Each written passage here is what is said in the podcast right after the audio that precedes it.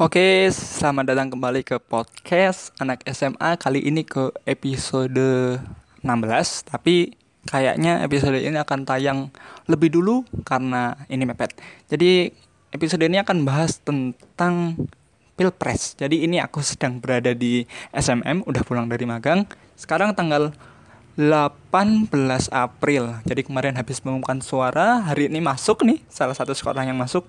Waktu itu banyak suara dari yang lain jadi mungkin ini adalah hari satu hari setelah pemilu.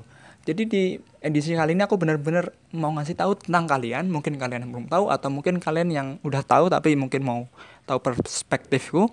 Arti pilpres bagi anak SMA. Jadi menurutku pilpres ini pemilu uh, dalam tanda yang lebih luas. Tapi yang lebih sengit pilpres. Jadi pemilu ini menjadi sesuatu yang penting bagi anak SMA atau enggak menjadi sesuatu yang uh, dapat memecah belah kalau kata uh, ahli-ahli komunikasi politik menjadi sesuatu yang penting banget bagi anak SMA atau enggak anak SMA peduli atau enggak dengan ini atau lain-lain. Mungkin akan ku coba untuk menerangkan di sini kepada teman-teman semua yang mungkin masih SMA atau gimana. Uh, semoga kalian juga ngasih feedback ke aku apakah ini benar atau enggak? Apakah ini cuma pendapat pribadiku yang enggak benar? Jadi kalau dari pilpres atau pemilu kali ini aku itu di sosial media di dunia nyata nemu kayak tiga sikap sih kalau anak-anak SMA yang pertama itu benar-benar orang yang nggak peduli dengan pemilu ini. Orang-orang yang ketidakpeduliannya dia bahkan nggak status untuk uh, kalau di Instagram kan ada uh, saya pilih Indonesia bukan nggak cuma masang status. Dan mereka bahkan menstatus misalnya kalau misalkan eh, siapa pun presidennya apa pun partai yang terpilih harga paketan tetap sama. Kita juga yang beli harga paketan. Siapa pun yang jadi DPRD kita juga yang masih sekolah. Itu kata mereka yang boleh kita sebut apatis. Itu hak mereka seperti yang banyak komentator politik baik yang senior ataupun yang artis mengatakan seperti itu. Tapi sekali lagi sikap apatis terhadap sesuatu itu kan bisa jadi nggak baik kalau misalnya uh, kita benar-benar apatis. Karena kita udah dikasih loh. Kalau kalian tahu berapa jumlah uang yang dikeluarkan pemerintah untuk pemilu serentak 2019 kalian akan terheran-heran. Kenapa bahkan kalian yang udah punya hak pilih nggak mengasihin beberapa menit kalian mungkin satu jam kalian untuk ke TPS yang kedua adalah sikap peduli. Sikap peduli ini ya sikap uh, wajar-wajar aja sih. Misalkan nulis di status 01 atau 02 atau misalkan nulis uh, apa ke TPS jarinya ditunjukin udah ada tintanya saya pilih Indonesia atau yang lain-lainnya. Itu adalah contoh mereka peduli pada pilpres. Maksudnya mereka ya tahu ada pilpres dan mereka orang yang biasanya ya ikut sih mengalir kalau ada pilpres. Ikut pilpres kalau ada Idul Fitri ikut Met Idul Fitri kalau Natal ada Natalan kalau misalkan tahun baru mereka juga uh, Happy New Year mereka mungkin ya peduli peduli aja. Tapi uh, katakanlah mereka adalah orang-orang yang peduli. Terus yang ketiga adalah orang-orang yang simpatisan. Jadi bener teman-teman kalau misalnya kalian baru tahu jadi ada orang-orang yang simpati pada suatu partai atau capres tertentu pada usia SMA, pada usia muda atau pilihan. Dan termasuk aku juga, e, karena aku berpikir bahwa kita udah boleh untuk bersimpati pada seseorang. Kenapa kita tidak mau bersimpati pada apa yang akan terjadi pada negeri ini 10-2 tahun yang akan datang, 5 tahun yang akan datang dengan sebuah pilihan kita yang itu sangat berpengaruh kalau misalkan ada kita katakan ada seribu orang yang nggak mau milih kayak kita atau misalkan seribu orang yang care sama kita memberikan suatu memberikan satu suaranya pada satu orang yang menurut dia sesuai dengan visinya maka simpatisan atau orang yang memilih dengan simpati pada idenya maka itu akan menjadi menurutku sih sebuah kebaikan sesuatu kebaikan.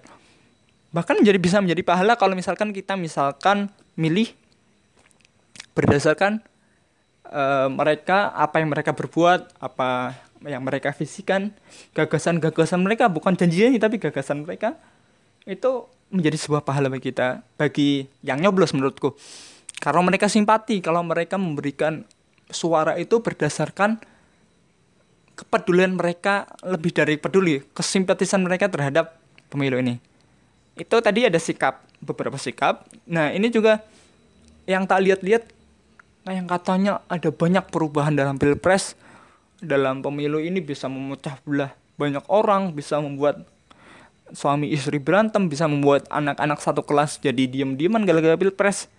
Itu kalau menurutku cuma ada di media sosial menjadi gorengan media sosial karena itu sesuatu isu yang kita akui isu yang panas karena ya seru-seru aja sih kita goreng-goreng sesuatu yang ada di media sosial uh, kalau kita tahu kemarin itu kita lihat di media sosial atau di live streaming di TV-TV itu komennya itu seru. Tapi sebenarnya setelah kita selesai nyoblos itu keadaan kalem-kalem aja. Bahkan di beberapa hal kita nggak menemukan obrolan-obrolan tentang politik. Di beberapa media di beberapa tongkrongan-tongkrongan malah ngobrolin tentang yang lain. Jadi kalau misalkan anggapan bahwa politik itu memecah belah itu nggak nggak terjadi di media di kehidupan nyata dalam banyak orang. Tapi terjadi banyak banget di grup-grup WhatsApp di grup-grup Facebook. Semua terjadi tapi pada nyatanya kita masih temenan aja kok. Masih tahu bahwa itu nyoblos yang satu kita nyoblos dua atau kebalikannya tetap jadi teman aja kok. Terus yang kedua misalkan perubahan sikap terhadap pilihan prioritas kalau yang aku temuin anak-anak SMA itu anak-anak SMA SMK dan yang lainnya usia-usia 15 sampai 17 terutama yang udah punya hak pilih itu mereka bahkan lebih fokus kepada UTBK, UNBK ketimbang kepada Pilpres ini. Siapa sih yang peduli sama itu? Maksudnya lebih banyak mana sih yang orang yang peduli dengan mencari kuliahnya dengan peduli dengan menentukan pilihannya di DPRD yang bahkan mereka nggak tahu siapa calonnya yang bahkan udah umurnya tiga kali lipat daripada mereka udah umur 50 mereka diminta untuk mengetahui itu. Dan itu menjadi sesuatu yang ironi bagi kita bagi aku sendiri sih. Apa ya namanya eh, kita pasti ada sesuatu hal yang lagi kita geluti. Misalkan kita lagi persiapan UNBK atau kita persiapan yang lainnya tapi di sisi lain kita menjadi orang yang apatis terhadap uh, bukan apatis sorry. Kita menjadi orang yang fokusnya misalnya ke UNBK ke UTBK pelajaran lebih penting. Jadi kadang-kadang ini menjadi sesuatu yang ironi tapi kadang lucu. Kita menjadikan UNBK lebih itu. Dan kalau kita lihat-lihat ya lucu aja menurutku loh. Kalau menurut kalian mungkin beda. Nah itu perubahan-perubahan dan banyak banget sih yang terjadi di kalangan orang senior mahasiswa tapi nggak terjadi di anak SMA dan sebaliknya terjadi di kita kita anak SMA tapi nggak terjadi di mahasiswa atau nggak terjadi di uh, yang udah kerja atau yang udah menikah. Karena ya memang kita beda asupan informasinya kita beda apa namanya beda mindset beda lain-lainnya. Tapi di anak SMA sendiri kalau yang tak lihat-lihat kita itu lebih fokus kepada UNBK, UTBK dan ujian-ujian yang lainnya bagi yang kelas 3 atau yang kelas 2 masih ya pelajaran masih lebih penting daripada UN dong. Liburan dimanfaatkan sebaik-baiknya untuk libur. Itu bagi yang apa namanya bagi yang enggak yang apatis sih yang enggak terlalu itu.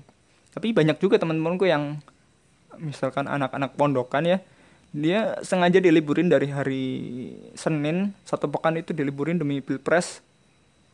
Kayak demi pilpres sih tapi kan besok ada libur lagi. Demi liburan ini dan menjadi suatu hal yang mereka malah nyoblos. Pulang tuh cuma demi nyoblos. Ya mungkin ada motif politiknya atau motif yang lainnya tapi memberikan hak lah. Dan juga kemarin tuh perubahan yang lumayan mengganggu. Misalkan kita di percetakan di Indo Printing tuh kemarin mau pesen untuk pesen hari Rabu itu nggak bisa diambil lebih cepat karena ada kepotong setengah hari karena karyawannya pilpres apa pemilu nyoblos atau di BRT yang benar-benar mengganggu kita semua kalau kalian anak-anak Semarang yang kemarin mau ke menggunakan BRT jadi kemarin aku mau pakai BRT dan nggak bisa karena